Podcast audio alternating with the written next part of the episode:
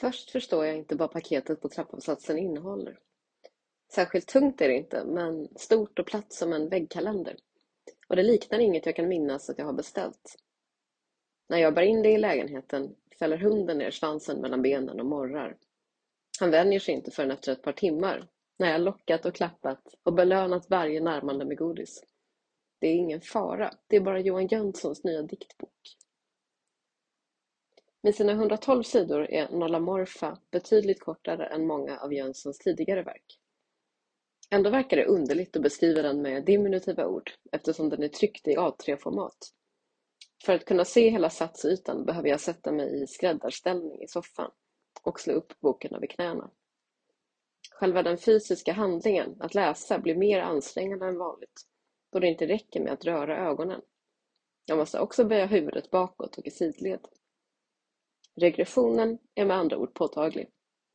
Nollamorfa förvandlar den till ett barn. Liten, oförmögen och prisgiven åt främmande proportioner. Bokens materiella uppenbarelse står i samklang med dess tematik.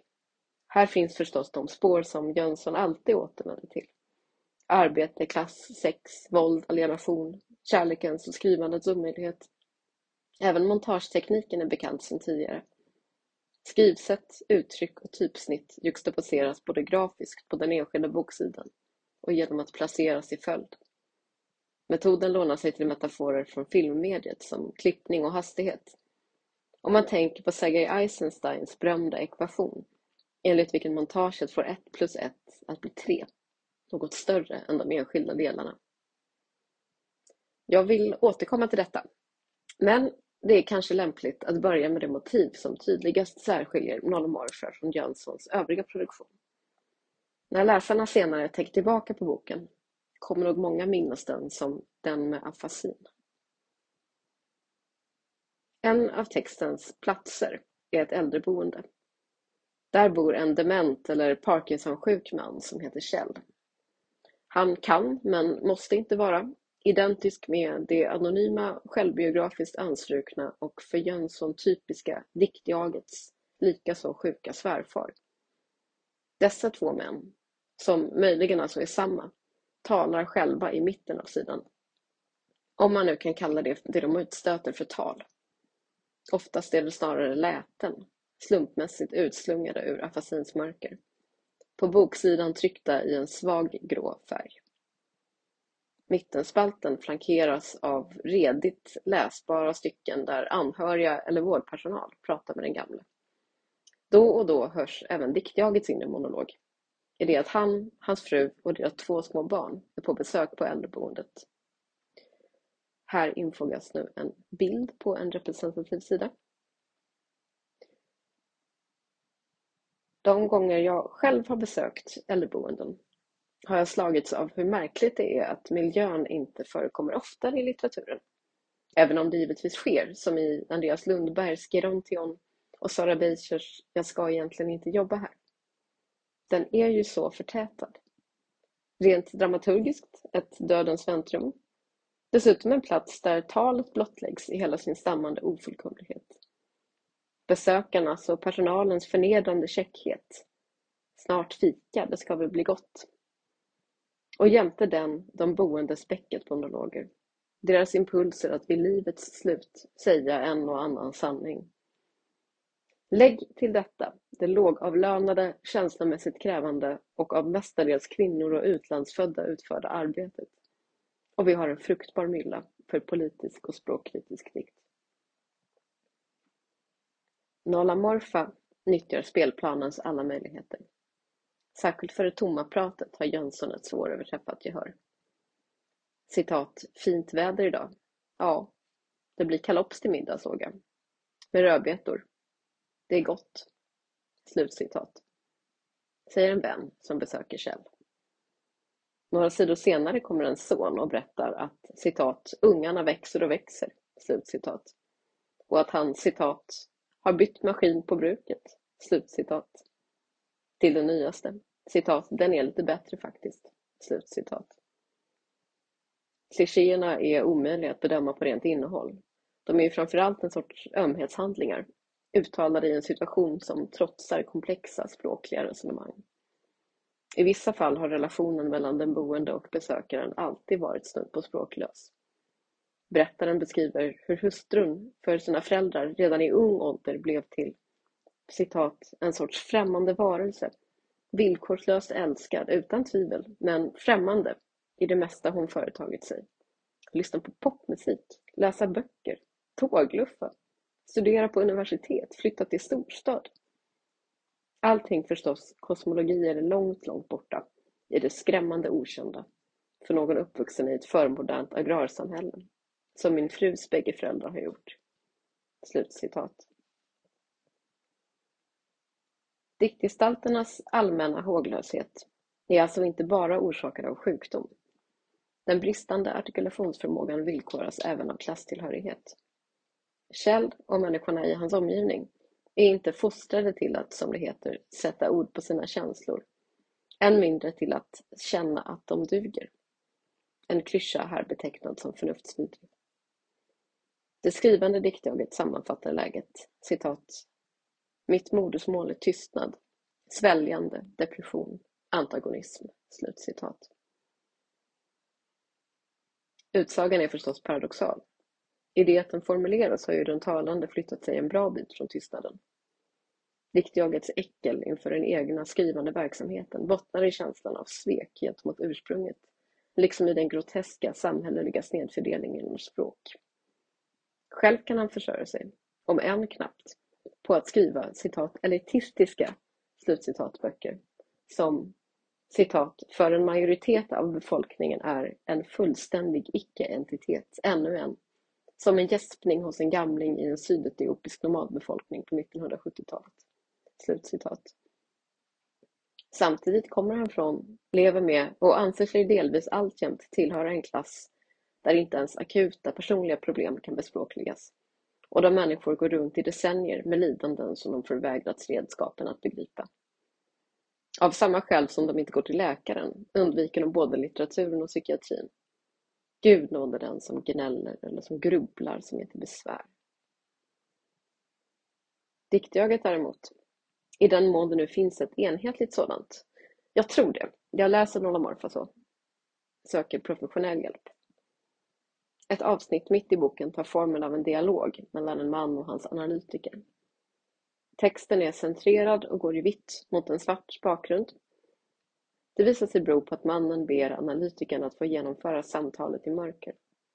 Dessförinnan har han berättat att han vill sluta ses. Sessionerna är för dyra. Dessutom verkar de besegla snarare än åtgärda hans problem.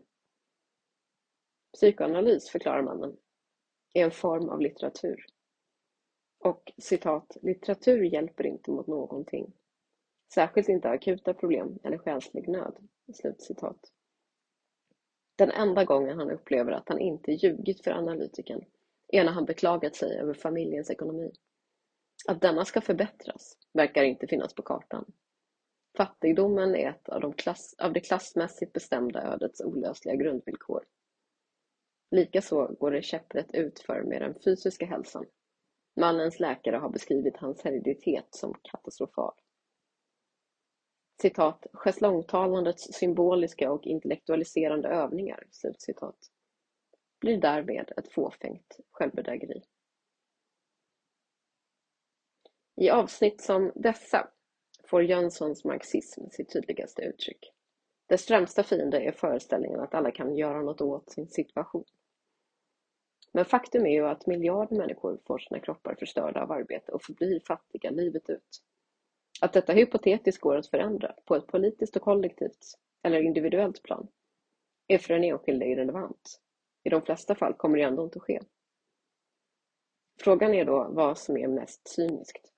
Att som Jönsson insistera på det sociala arvet eller att med stöd av undantagen förringa dess inverkan på människans möjlighet att gestalta sitt liv. Här kommer ännu en avfotograferad bild Formatet ovan, det vill säga på bilden, pågår i ungefär 15 sidor.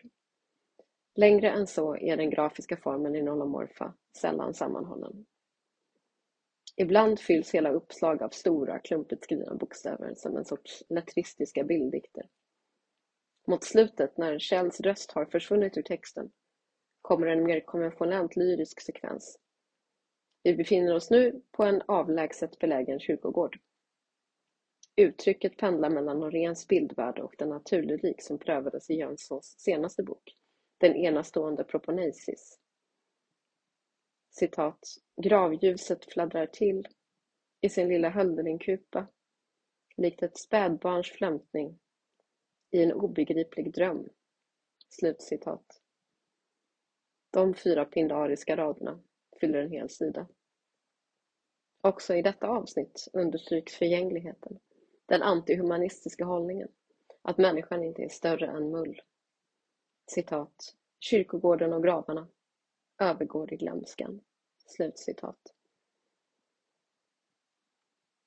Jönssons motvilja mot liberal helighet föregrips på en fundamental nivå av montageformen. Montaget är ju i sig ett avfärdande av linjära, enkla och konfliktbefriade berättelser. Frågan är dock om tekniken alltjämt besitter en kritisk potential. Jag tror att ganska många skulle svara nej. Eller åtminstone att det inte finns något immanent kritiskt i en vid det här laget så etablerad form. Montaget kan lika gärna bli ett självspelande piano. Eller en gimmick rent av. En ihålig, utnött, ständigt upprepad gest. På en principiell nivå är nog invändningen korrekt. Men är det i Jönssons fall ett problem? Jag tänker på den amerikanska kulturkritikern Sian Negai som utvecklat en teori om just gimmicken. Enligt henne kapitalismens mest framgångsrika estetiska kategori. Gimmicken kännetecknas av att verka både över och underpresterande samtidigt. Å ena sidan upplevs den som slapp, som arbetsbesparande. En komiker som alltid drar sitt favoritskämt. Och den andra som provocerande, konstlad och uppmärksamhetssökande. Följden blir att den estetiska bedömningen av gimmicken också är en normativ sådan av den nedlagda arbetstiden. Översatt till det aktuella exemplet kan man uttrycka det så här. I att skriva liknande böcker gång på gång verkar Jönsson lat, han upprepar sig tar genvägar, men också alldeles för flitig. Måste du hålla på och konstla med de där jätteböckerna, skriv en vanlig dikt.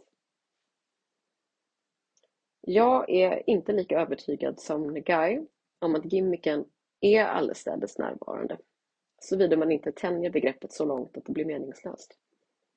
Men i Jönssons fall sätter det kanske fingret på något intressant. Det slitsamma, självutplånande och sällan uppskattade arbetet är ju en av hörnstenarna i hans poesi. Hans dikter verkar bara pågå. Fastän litteraturen inte hjälper mot någonting är det som om de bara måste produceras. Inte måste i någon form av marknadsmässig efterfrågansmening, utan på grund av ett inre tvång till citat, det repetitiva och isolationistiska fullbordandet av den döda och meningslösa artefakten. Slutcitat. Som citat, en fattig Emily Dickinson i ett immanent skitrum. Slutcitat. Man fortsätter, fastlåst vid sin gimmick, tills man dör och blir stoft. I hopp om att litteraturen trots allt bär på en sista flämtande dialektisk möjlighet. Om nu Jönsson skulle uttrycka sig så. Han vill väl inte förhäva sig. Den sista dikten lyder citat Varelser från en annan solgalax besöker jordsystemets planet. Lämnar lika anonymt som de anlänt. Här fanns inget av intresse, inget att exploatera, inget att lära. Eller så hade de bara åkt fel, upptäckt det och fortsatt. Deras farkoster lämnar spår vid landningsplatsen. Paleoarkeologer ska långt senare tvista om de fossilerade avtrycken och mönstren härrör från någon dittills okänd dinosaurieart eller någonting annat. Och så vidare. Slut citat.